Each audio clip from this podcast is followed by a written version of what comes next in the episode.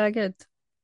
Jo, med mig är det jättebra. Jag ska snart ha ägglossning och eh, humöret är på topp. Mm. Hur är det med dig? Ja, jag har då precis haft ägglossning. Och var barnvakt. Så jag var helt så här, gud vad det här var mysigt. Vanligtvis brukar jag vara lite mer åt det trötta hållet efteråt. Men den här gången kändes det faktiskt, ja, det, var, det kan också vara för det var sent på kvällen, så de var väl lite tröttare än vanligt. Men eh, det var nice. Jo, men humöret är på topp i princip. Jag läser en ny bok om, för jag har ett av mina nya områden där jag är lite lätt besatt eller obsessar en del. Det har ju ett tag nu handlat om hormoner. Nu håller jag på att djupdyka i en ny bok om eh, dopamin. Och jag tycker bara att det är så spännande och kul hur vi liksom är på väg från the age of Pisces då och in i the age of Aquarius. Bara, wow, news, the new era. För att Pisces, du vet, eller där vi har varit nu så himla länge, det handlar liksom om jag tror. Det är ett vattentecken, det hör till det tolfte huset. Och det här liksom det andliga och spirituella, och bara, men jag tror att det är så här liksom. Vi måste ha, måste ha faith och du vet Gud och bara, ja men jag tror, jag tror, jag tror.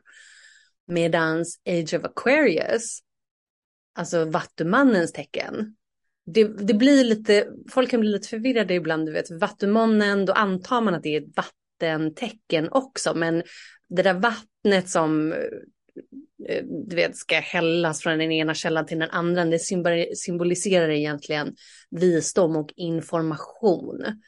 Eh, och liksom det här, eh, inte kanaler, kanaliserade direkt, men att eh, det är ett liksom inpouring av eh, information och egentligen så är alltså Vattumannen och Aquarius, det handlar om luft. Det är ett lufttecken och det här maskulina, det analytiska liksom och att vara resonabel. Du styr över olika saker som så komplexa system utan något visst center och sådär. Och när man pratar vetenskap, medicin, astrologi och sådär, då, är man, då är man inne på, på Vattumannens område och Aquarius eh, område. Och nu då kontra Pisces, när man bara, jag tror, nu med vetenskapen och Age of Aquarius, nu är det snarare så här, jag vet. Så att alla de här nya forskningarna som kommer på till exempel hormoner, de bekräftar ju egentligen bara det som folk med stark tro liksom har gått runt och trott under några tusentals år nu. Medan nu så är det snarare så här, men vi vet. Alltså jag vet att universum funkar så här för att vi kan, vi kan se det med vetenskap. Vi kan mäta, vi kan testa liksom. Och eh, den här boken då om dopamin, den fick mig att tänka på det. Jag tycker att det är kul. Ja, spännande tider och jag tänker just det här med att man tror. Jag tror att, ja i alla fall för egen del så är så van vid att det ligger på den nivån. Så här, jag kan inte konkret förklara varför jag tror si och så. Och man tänker någonstans att det kommer alltid förbli så här. Att eh, man pekas ut som konstig och lite sådär hippie och sådär för att man har inget konkret stöd liksom för det man försöker förmedla. Ja. Det vore ju kul att komma till en plats där man känner lite mer så här, I told you so, typ. På vissa, ja. när, det, när det gäller vissa saker. Men sen också duktigt att du läser på. Alltså, jag önskar att jag kunde använda min tid lite mer sådär. Jag är ju åt andra hållet. Jag följer ju typ massa reality-tv och sånt där istället på min fritid. Jaså? Så jag känner mig lite smått avis Ja, men du kanske då behöver, då kanske du behöver eh, trigga igång lite dopamin hos dig själv. För dopamin är just, eh, alltså länge dopamin haft så lite konstigt rykte eller det har blivit så fel eh, placerat liksom eller fått stämpeln att det handlar om att det handlar om nöje och alltså pleasure. Du vet, och det är därför man säger att det är så alla, alla missbrukare och addicts och sådär, de de söker hela tiden den här dopaminhitten. Men det har egentligen inte så mycket med det här välbehaget att göra, utan dopamin är alltså det som får oss att känna motivation. Våra varför är liksom dopamin som alltid triggar igång. Så att eh, du kanske skulle mm. behöva, du kanske skulle behöva en dos dopamin då, så att du får ja, få dig själv dit du vill vara? Ja, alltså grejen är att jag använder ju mer reality som pauser. Alltså typ så här, så att jag jobbar liksom på mitt egna och gör mitt egna och använder morgonen för det liksom. Ja. Eh, och sen när det är, alltså sen på eftermiddagen så där så har jag en paus och det är då det sätts på reality tv, Judge Judy, allt sånt där är ganska meningslöst egentligen, men som är så här lätt underhållande att ha i bakgrunden medan typ jag lagar mat eller fixar något som måste fixas under min paus. Ja, ja, men då så. Det är mer, mer som ett eh, tidsfördriv. Men det, jag tycker att det är jättebra poäng. Det är ju nog bra att veta vad dopamin liksom gör med en. För det är nog väldigt mycket som du säger, att det är nog väldigt kopplat till någon slags eh, lyckokick. Typ. Ja, men det var precis som du sa, det att eh, jag har inte alltid kunnat liksom, förklara varför jag känner som jag känner eller varför jag tror det jag tror. Men nu i och med det jag säger då, Age of Aquarius och vetenskap och sådär, så nu kan vi alltså förklara, så här, vad kommer, vad kommer gamla ordspråk ifrån eller varför tror vi saker och ting, varför står det vissa saker i de heliga texterna och så vidare. Men är det något speciellt som du läste om kring dopamin som du var så här, aha, det här förklarar ju si sånt som folk har tagit som flum? Ja, men till exempel så här om man pratar eh, om om man pratar här med att skapa sin egna verklighet och love attraction och det du fokuserar på blir det mer av sådär. Just den sista, det du fokuserar på blir det mer av, det är ju egentligen extremt basic liksom. Men eh, i entreprenörsvärlden då, där jag rör mig till exempel, där är det många som vill bland annat tjäna så mycket pengar som möjligt och de vill göra ett stort intryck liksom på världen och sådär. Och här handlar det också om att här, vi, vi vill ju vara entreprenörer för att vi vill vara fria i princip. Vi passar inte in i så här 8 till 5 jobbet eller vi bara diggar inte vara anställda och sådär. Och då kan man ju göra sitt egna istället. Då behöver du ju dock vara extremt disciplinerad och liksom, du har bara dig själv att skylla i princip. Eller det är bara du själv som också eh, kan hålla dig skyldig. Eller liksom, du, du får göra allting själv. Och då behöver du alltså stark disciplin och motivation. Och då kommer det här dopaminet in då.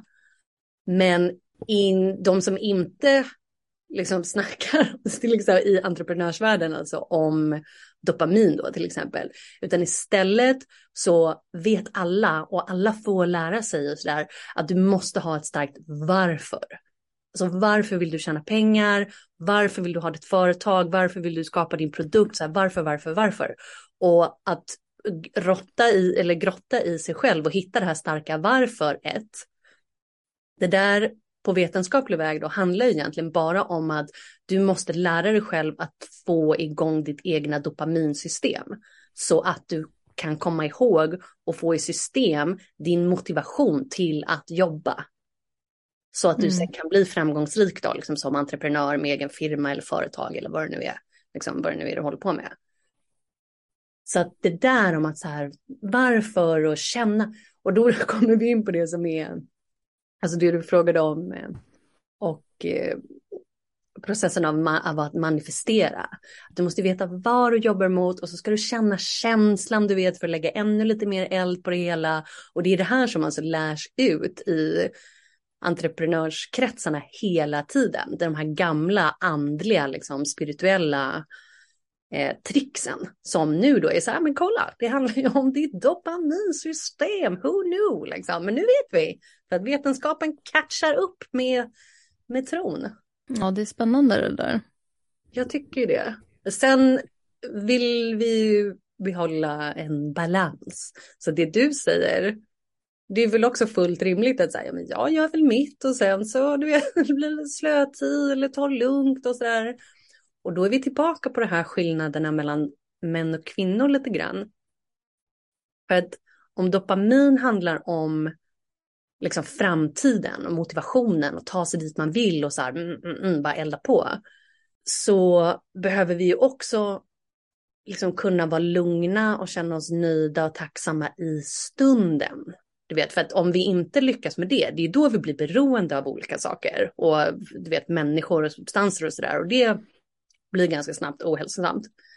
Så vi måste ju kunna kontra det där med att säga, oh, jag är så nöjd med liksom hur allting är nu, jag är så glad i, i stunden. Och då, då pratar vi om bland annat serotonin.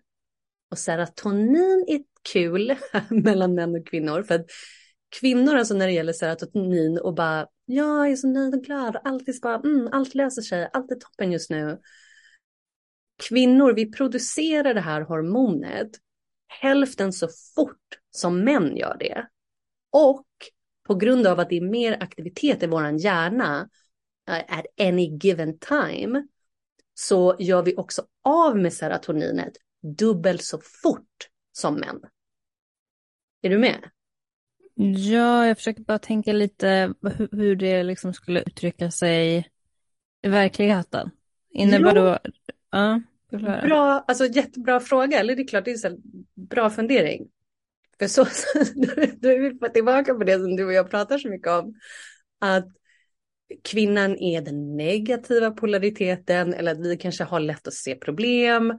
Alltså vi kan vara lite neggiga eller vi gillar att bara prata av oss om det som är jobbigt och så vidare.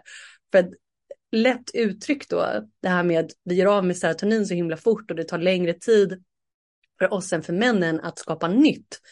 Det gör ju att vi typ är mindre lyckliga.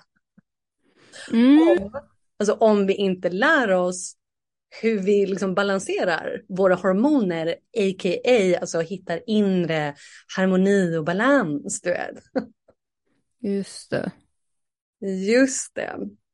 Så att eh, det här är ju också en av anledningarna till att traditionellt sett, eller ja, traditionellt sett och idag också så är det alltså gynnsamt för kvinnor att ha en lugnare livsstil.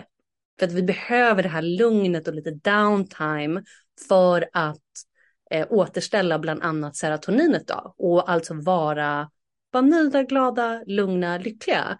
Medan männen, alltså de kan köra på mycket mer och mycket längre utan att eh, liksom tappa gnistan så att säga. De, de behöver, du vet, det är inte likadant. Jag tycker att det räcker ju bara med att kolla på hur det ser ut i arbetslivet för många för att se att det är ju skillnader, alltså könsskillnader. Sen så jag hade en diskussion igår om, om surkärringar. Och att de verkar vara väldigt många jämfört med män. Ja, men det är exakt. Så det kanske, ja, kanske förklaras lite av det där också, då, av den hormonella modellen. Ja, och det är här många män typ inte förstår sig på oss heller. Och vi kvinnor kan ju inte få dåligt samvete över att vi är som vi är, tror jag också. Men en hel del har ju ändå snappat upp nu, eller du vet män som faktiskt så här, du vet, bryr sig om sina kvinnor och vill ha lyckade förhållanden och sådär. De har ju ändå snappat upp att så här, ah, hon vill inte att jag ska lösa hennes problem just nu eller komma med så här råd, utan hon vill bara snacka av sig.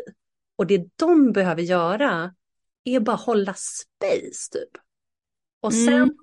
sen är vi ganska snabbt ändå tillbaka i vårat så här lugna, ja men det är okej liksom. Vi bara gillar, eller inte gillar, men vi alltså behöver få prata om hur vi känner.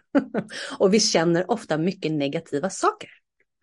Ja, jag kommer ihåg att, eh, eller så här, ibland kan jag ju känna mig väldigt negativt lagd bara för att jag liksom uttrycker hur jag känner eller vad jag har för åsikt kring någonting och sådär.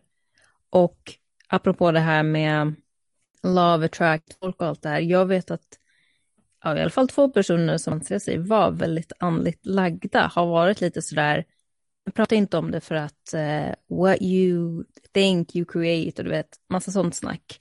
Eller typ så här, uh, om jag uttrycker vad jag känner som är negativt, då på, något, på något sätt så kryper det in i deras värld och då kommer de på något sätt fastna i det negativa också. Eller jag tror att det är så de resonerar, jag vet inte. Men det mm. kanske mer tillhör, du vet, den typen där det är mer så här, tänk love and light hela tiden så, så slipper vi liksom något ont som egentligen handlar om någon typ av flykt mer än eh, spiritualitet helt enkelt.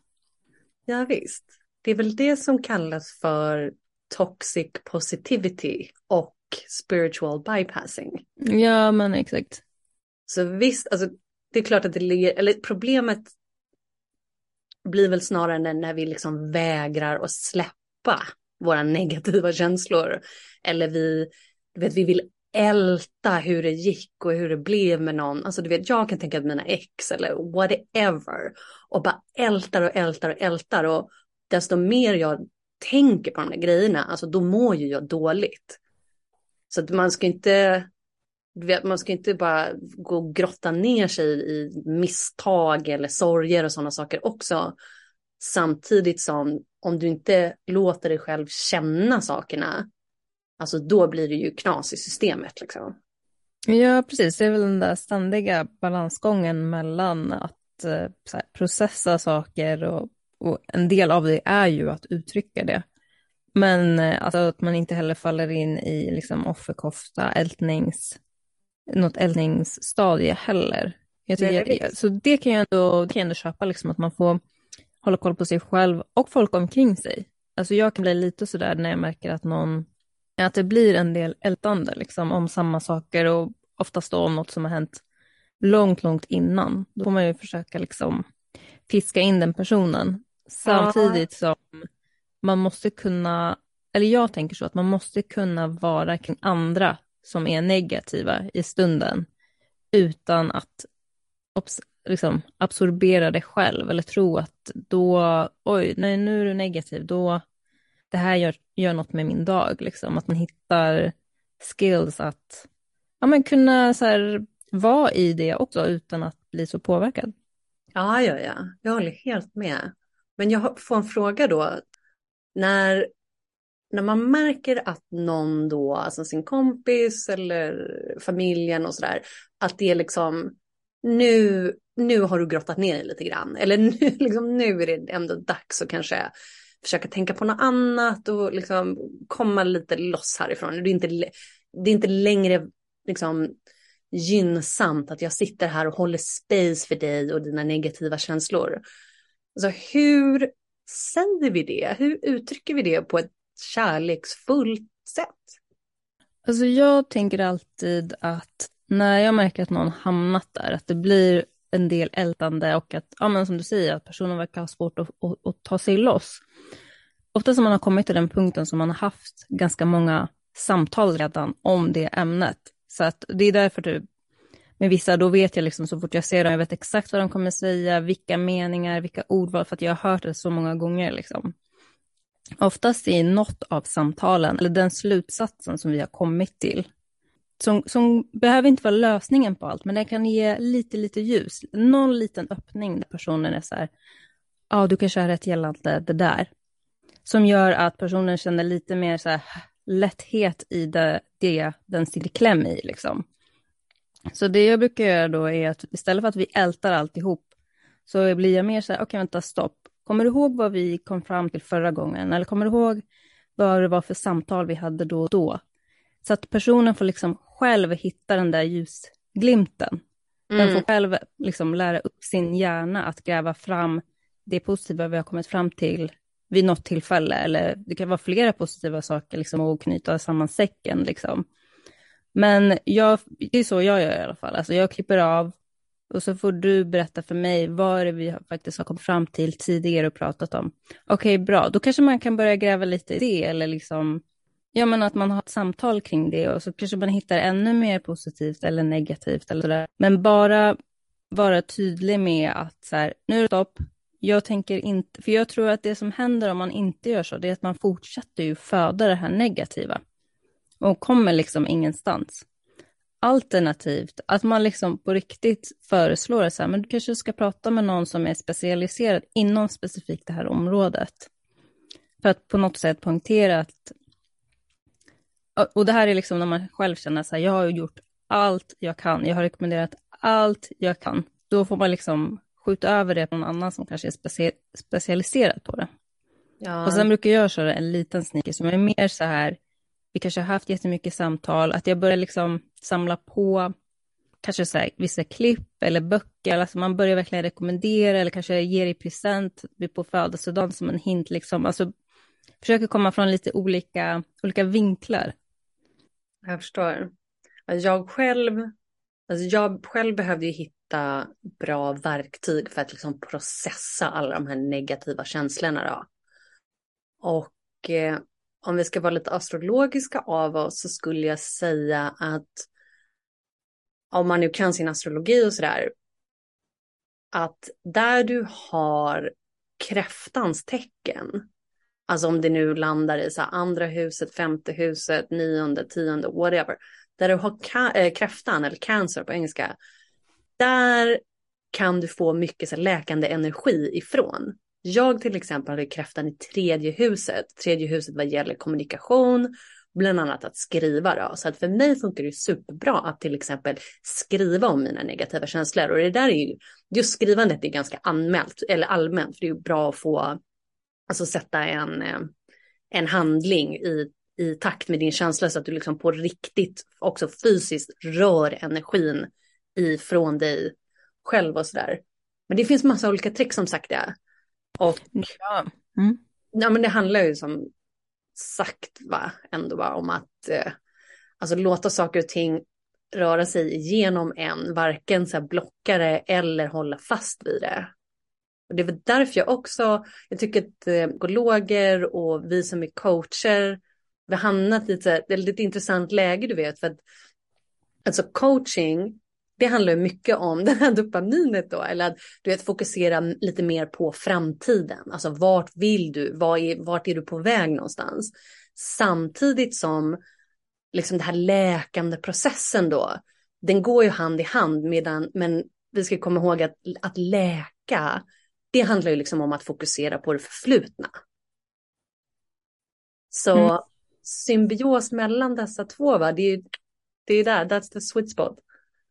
Ja, precis. Det är väl därför också mycket inom ehm, självhjälpsindustrin och sådär har setts som toxic, för att man liksom hoppar framåt, så här, tittar framåt, tänk positivt och man går liksom inte till roten för vissa blockeringar som man kanske har. Och man tillåter inte läkning för att man ska hela tiden vara så positiv och så motiverad och så, så här, ha sin vision i fokus. Att man liksom glömmer bort att så här, det där kommer inte ens gå om man inte, gällande vissa i alla fall, tittar bakåt och verkligen så här, kommer till underfund med så här, vad, vad är det jag har gått igenom för någonting och vad är det som kanske inte bara står i min väg, men vad skulle kunna få mig att må bättre här och nu? Inte sen, utan här. Ja, visst.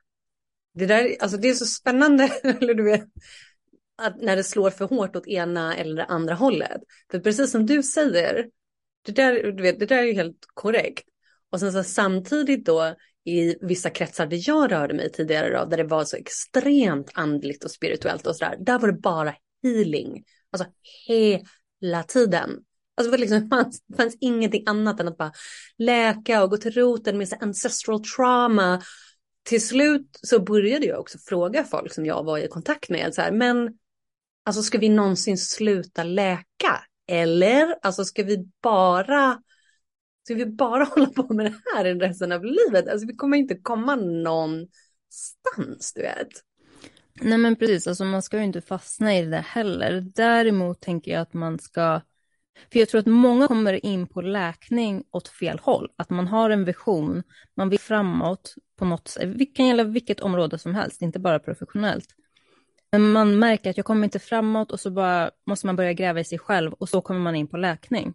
Ja. Medan egentligen så tänker jag att skulle man börja med läkning innan man har en vision, då skulle man ju få visionen på köpet. Alltså att man läker sig så pass att det börjar klarna på en vad man har för värderingar, varför jag är här, vad har man för livsuppdrag om man tror på sånt. Alltså det skulle, det liksom visa sig med läkningen. Eh, så länge man inte använder läkningen som en eh, coping-strategi för livet. För det är då man fastnar där, för det är bara läkning, läkning, jag vill inte röra mig ur den här läkningsboxen. Liksom. Ens vision visar sig med läkningen om, om den följs naturligt. Ja, det låter ju fullt rimligt. Samtidigt som i mitt eget fall så blev ju inte jag medveten riktigt om vad det var som behövde läkas förrän mina drömmar och visioner liksom sprack. Ja, absolut. Exakt samma här. Det är det jag menar, att många kommer ju in på läkning tack vare den vision man har föreställt sig. Liksom. Ja, för det är den, alltså om allting bara flyter på, då behöver man ju inte läka. Nej, exakt. Och då, då kan man ju ta ett steg längre och tänka, men det är säkert därför man har haft en viss vision för att livet bara, men du måste gå i kras först, för då kommer du börja läka. Då kommer du tvinga dig själv till det. Ja, just precis. Du, en sista, eh, en sista note innan vi går vidare på våra olika kärleksbehov och hur man skapar en soulmate-relation och sådär. Så tyckte det var spännande det du sa om um, hur man ser, alltså i arbetslivet, män versus kvinnor och kanske, jag kommer att tänka på så högre uppsatta positioner och sådär. Man är, du vet, när, när man ska börja prata om att vara vd och vem som tjänar, tjänar mest och vilka som jobbar mest och sådana där saker. Så talas det mycket om att det finns ett glass ceiling för kvinnor, du vet, och att vi inte får typ vara med i styrelserna och vi får inte vara vd och sådär bara för att vi är kvinnor. Mm. Men tillbaka då till hela den här, du vet, hormonerna och vår inre lycka och välmående och sådär. Så tror jag att det många gånger kanske inte handlar om ett glass ceiling utan snarare så kommer många kvinnor på, speciellt så här efter 30, att eh, de blir inte lyckliga av att jobba så 40, 50, 60 timmar, vilket är nödvändigt om man ska vara typ vd. Ja, absolut. Jag, tänker mig, jag tänkte spontant att det kan vara ett uttryck för att kvinnor inte orkar med hela vägen dit. Ja. Men kanske är på samma spår som du då. Jag tänkte mer att det inte är så aktivt att man för jag tänker så här att man antar ju att ju högre position man har, desto mer jobb och ansvar har man. Så att för kvinnor kanske man kommer till liksom en viss nivå och så bara, nej men jag orkar inte hela vägen upp, jag har liksom inte energin eller kraften för det.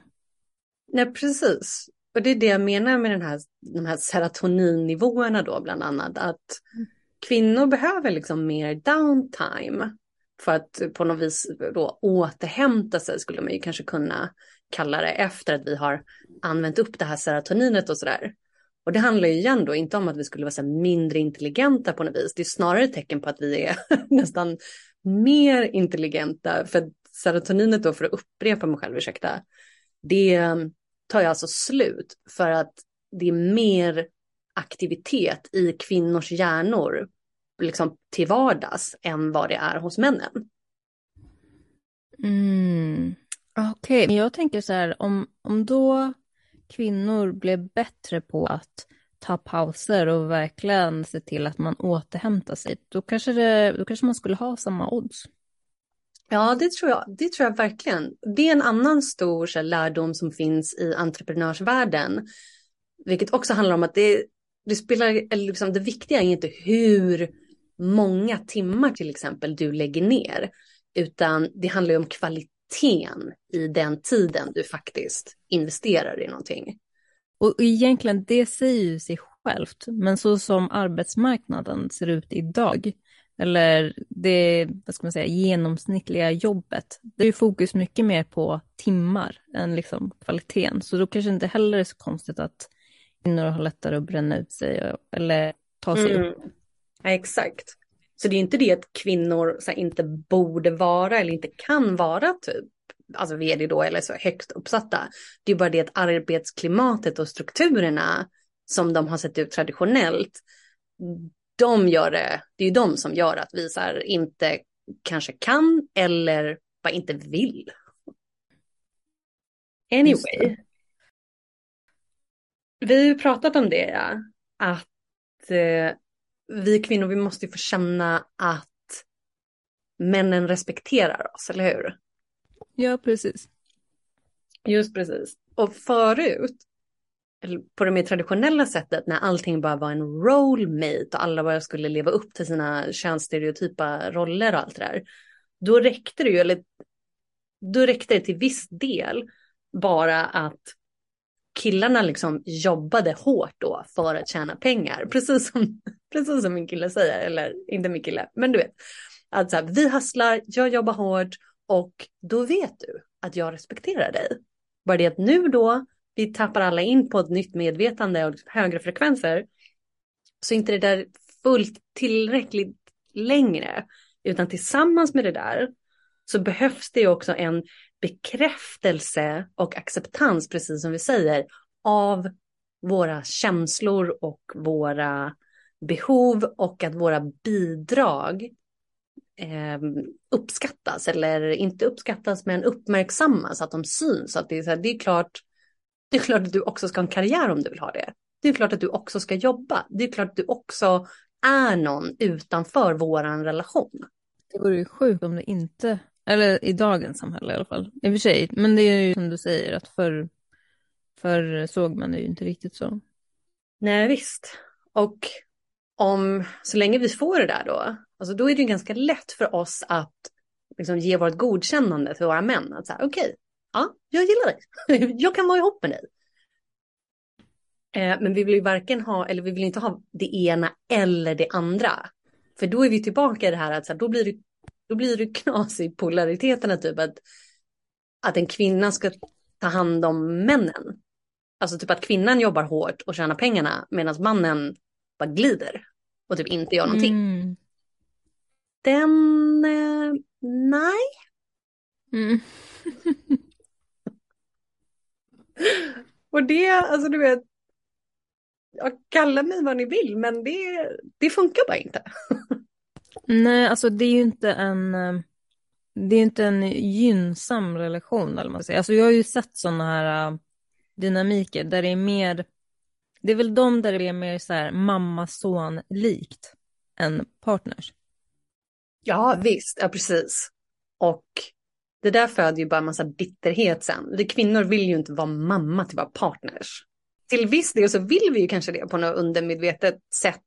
Men det leder ju inte till någon lyckad relation. Alltså du vet den sexuella attraktionen och passionen den bara dör ju ut ganska snabbt. Och, ja, men istället så står vi ju där och är alltså, lite bittra, lite otacksamma, sura etc. Exakt. Jag har ju hört det, som sagt, jag kollar ju på reality tv och jag såg en som analyserade ett par där det är verkligen så här en jättevacker, framgångsrik eh, och rik kvinna och hon träffar, eller hon dejtar alltid män som är typ citattecken lägre än henne ekonomiskt och statusmässigt. Och det slutar alltid på samma sätt, att det blir typ krig i deras, eh, i deras vardag, alltså en så här ilska från bådas håll som båda verkar helt förvirrade över vart det egentligen kommer ifrån. Och den här som an, eh, så här, gjorde den här analysen var då så här, den här kvinnan måste hitta någon som minimum är på hennes nivå ekonomiskt, annars kommer det alltid bli så här. Ja, precis. Jag är likadan med ett par stycken av mina ex. Att jag, jag hade liksom mer att tillföra rent ekonomiskt, eller så på vissa andra sätt också. Och då är vi tillbaka i det som är alltså, upp och ner och bak och fram och sådär. För det är ju den maskulina principen som ska komma med större delen av tryggheten och säkerheten och sådär. A.k.a. alltså pengar, för det behövs för att köpa mm. mat och betala hyran och så vidare. Så att på ett annat sätt uttryckt då så är det alltså att du vet min egna femininitet eller kvinnors egna feminina sida är ju av någon anledning blockad. Så att vi tar inte emot av männen utan istället så försöker vi så här vara maskulina och ge till dem. Men på en annan, eller på en annan not då gällande alltså vårt behov av att känna respekt. Så kunde vi, alltså förut så var det så här, oh, den maskulina principen och våra, våra män och så där. De ska bara ge oss, peka med hela handen du vet och ge tydligt och starkt ledarskap. Eller att de ska, vad säger vi, utstråla det och anamma det eller ge det. Och det kan ju till viss del idag också vara väldigt skönt att känna att så, ja, men min kille han, alltså han vet vad han håller på med, han vet vad vi håller på med och är, han kan tydligt och starkt ta mig i handen, liksom leda mig. Det är jätteskönt för feminina kvinnor. Dock, när allting nu är lite mer balanserat liksom, så behöver vi ju nu känna att även om det där kanske finns där till viss del så måste ju killarna visa att de är villiga att kompromissa. Mm. För att utan kompromissen, då är vi tillbaka i det här som vi kallar för toxic masculinity när det är bara så här, du vet, kvinnan har sin plats där hemma någonstans. Du ska inte ha någon åsikt, du ska inte tycka någonting, du har ingenting att komma med, utan det är bara så hans ord som är lag. Och det, oj, oj, oj, det är ingen som gillar, utan... Nej, men jag, jag tänker mig med, ja, alltså jag tänker mig, eller det kanske bara är så här i mina kretsar, men jag känner att männen är mycket bättre på att kompromissa än vad kvinnorna är. Eller är det för att vi lever i det här konstiga samhället? Jag, jag vet faktiskt inte vilket som är vilket. Men det känns ju som att män har lättare att mötas halvvägs än vad kvinnor har. Det har du nog rätt i. För jag förstår ju vad du menar att back in the day och även i vissa kulturer än idag är det ju så att det är mannen som leder och styr och kvinnorna har knappt något att säga till om. Men jag tycker mig både i relationer och på samhällsnivå så känns det ju som att kvinnor börjar bli mer och mer giriga. Alltså mer och mer, du, kommer, du gör som jag vill. Ja, alltså det... Än att, okej okay, nu hittar vi en lösning.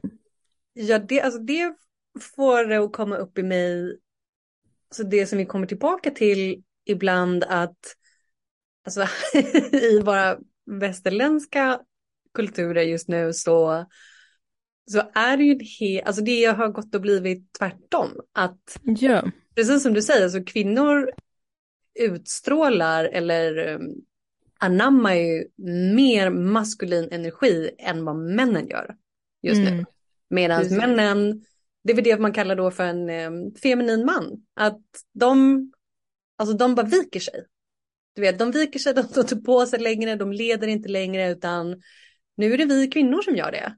Och med all alltså all sanning fortfarande i att kompromissen behövs så håller jag som en feminin kvinna fast vid att det traditionella maskulina uttrycket att så här, jag vet vad jag håller på med, jag kan leda dig och mig är extremt nödvändigt eller det är viktigt och utan den, alltså då blir det knas. Ja, jag tycker det är om man, om man litade på männen men det är kanske också ett resultat av hur samhället ser ut idag, att den där tilliten är inte självklar längre. Alltså jag kan tänka mig att back in the day eller vissa kulturer att man kanske inte ens ifrågasätter för att det är så här så inrotat i en på något sätt att man följer mannen. Ja, det blir liksom svårare att bara, vet du bäst eller jag tror jag vet bäst. Ja, men just den också som du säger att det är lite svårt att lita på. Och det tror jag handlar, det handlar ju såklart om att du vet, det är svårt för oss att lita på männen för traditionellt sett så var det ju bara deras sätt. Their way or the highway liksom. Och det var ju inte, det var inte så nice. Så då är vi igen tillbaka i det här då som är alltså läkande processen och att liksom balansera sig själv och uppskatta olikheterna eller allt vad det är, det stora samtalet. Men under mm. beskrivningen eller beteckningen av hur vi liksom skapar soulmate eh, relation eller connection och liksom är, har en lycklig kärleksrelation. Alltså då behöver vi båda de här sakerna. Ja, och sen så jag tänker ju att det är inte så här att man träffar en man och så, så bara släpper man all kontroll och låter honom leda, utan det får ju ske lite, lite i taget så att man kan bygga upp tilliten också. Just det. Eh, så, så blir det nog lite smidigare. Just det. Och för under den större rubriken att vi kvinnor behöver känna respekten på lite olika sätt. Eh, så om vi är respekterade, alltså, när jag känner att jag är respekterad, då har jag inga problem med att gå med. Alltså på att samarbeta jag med. ja, men det är sant. Eller det, mm. det är nog inte, alltså det är inte bara jag på individnivå eller kvinnor i allmänhet, utan alla behöver ju det på, på en viss nivå att känna sig respekterad. För att annars så vill man ju inte vara, alltså annars kommer man ju inte med på, på att kompromissa och samarbeta då. För det är ju så spännande, eller jag var, tvungen, jag slog, var tvungen att slå lite knut på mina egna tankar när du bara, men vänta lite, det är, det är ju typ kvinnorna som, som kör på mest medan det, är, medan det är männen som får kompromissa eller liksom backa och sådär. Och det där minns jag själv från när jag var lite yngre och då mer maskulin, mindre feminin. Att alltså jag körde nog över mina killar och sådär, sådär ganska mycket. Lite som en ångvält typ, eller att jag och det, eller det här vet jag också att så här, mina, eller i alla fall mitt ena ex, en av grejerna som liksom gjorde att han inte längre ville och sådär. Jag vet inte om han fattade det själv ens en gång, men jag förstod ju det efteråt när jag satt och reflekterade och skulle läka och allt det här. Att min oförmåga att liksom lita på honom eller vara så här, okej, okay, vi kör på ditt sätt. Alltså ja, det är klart att du har koll, typ. det är klart att du har rätt. Så, ja visst, det du säger, det du tycker, vi kör på det. Alltså min oförmåga att ge honom det, det gjorde att han så här, inte ville längre. Alltså han tappade mm. sugen. Så här. Han, det var bara inte, det var inte soft liksom. Men får jag fråga då, gäller det att du hade det här med bara män eller med typ tjejkompisar också? Alltså, eller kollegor med? Alltså var det liksom något, en egenskap som du hade över alla områden i livet eller var det bara med männen? Ja, då handlade, det var nog eh, till mesta eller det, kom, det gav sig uttryck såklart mest i min kärleksrelation. Men om jag ska vara helt ärlig så var det nog, alltså det var med min pappa också. Jag kunde inte liksom låta honom veta vad som var bäst för mig eller sådär. Nej, nej, nej, utan jag, du vet, nej, nej, nej. Jag, han visste ingenting tyckte jag typ. Men det kom ju ut i min relation också, just på det vi pratade om. Som jag också sa, liksom att eh, jag bidrog mer ekonomiskt än vad min kille gjorde. Och det gjorde ju typ att jag var, jag var inte nöjd med honom. Och därför så litade jag inte, eller jag litade inte heller på honom och jag gick inte med på hans, på hans liksom, hans sätt att göra saker och ting. För att det var ju, det var ju jag som liksom, det, det liksom, vad säger vi, hur säger man på svenska att det, ja, det var ju jag som hade allting på mina axlar. Så det är ju klart att det är jag som har sista ordet och det är jag som ska bestämma typ. Men jag ville ju egentligen inte ha den rollen. Och det var där, av därför liksom var en anledning till att jag inte ville vara med honom längre sen till slut. Eller det var en till anledning till att det liksom inte kunde funka i längden. Så med tiden då när jag insåg att, alltså, titta på maskulina Emily som inte, inte var lycklig och inte kunde lita på män och sådär.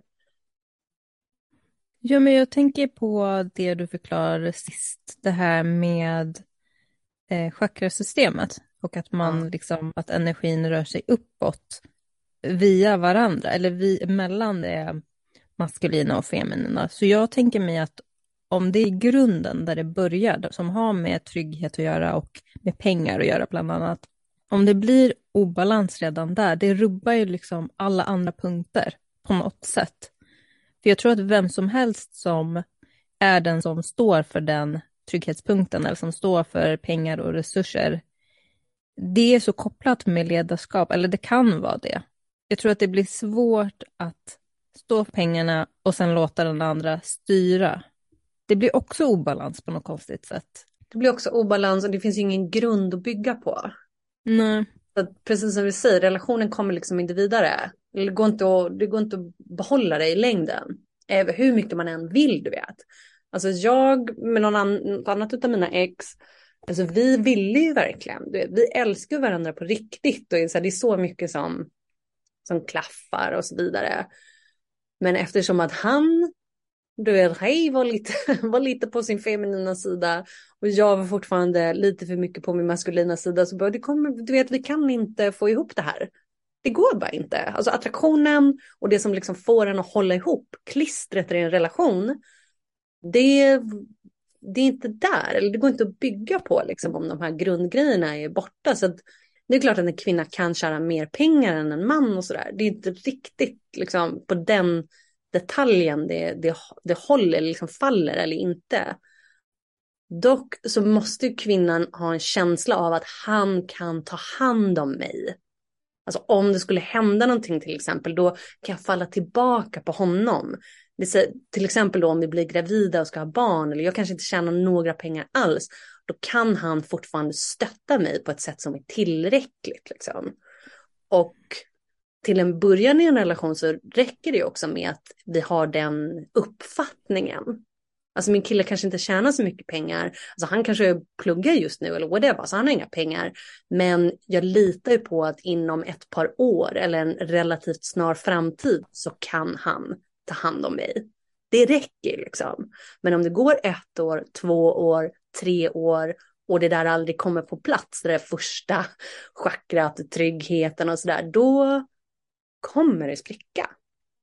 Ja, men jättebra att du förklarar det så att det inte verkar som att man är, alltså vi förespråkar värsta, värsta bitchiness liksom, vadå tjänar du inga pengar, okej hej då liksom, utan det är ju såklart mycket mer än så. Pengar kan ju bara vara ett uttryck för den där typen av trygghet eller stöd. Men, ja. Eh, men som du säger, jag tror att många kvinnor faktiskt fastnar med män som kanske inte kan ge den tryggheten tills det börjar bli dags att kanske fundera på barn och lite sånt där. Då börjar man inse liksom att så här, okej, okay, har du, do you got my back eller inte liksom. Ja, och det är här vi är tillbaka i poängen att alltså, vi måste med ganska mycket omtanke välja vem vi tillåter oss själva att bli så kära i. För då är vi tillbaka på det vi precis säger om att, eller vi har pratat om att männen måste ju få känna att de är accepterade som de är för att liksom, fortsätta vilja ge till sin tjej. Och om vi då väljer någon som är så här, du vet, det är ganska uppenbart, alltså jag och mitt ex till exempel, så det är ganska uppenbart att den här snubben är ganska strulig. Alltså det är nog inte, det är inte, det är inte rimligt eller det är, det är inte möjligt. Med största sannolikhet så kommer han inte ha liksom his shit together inom ett par år. Och han kan inte ta hand om mig. Vi kan, jag kan inte luta mig tillbaka och skaffa några barn och sådär. Och vi måste ju vara så brutalt ärliga med oss själva med hur det faktiskt ligger till. För att jag valde ju att så här, gå in i en relation med honom och satsa allt i alla fall. Bara baserat på att kanske, kanske, kanske så kan han få ihop det.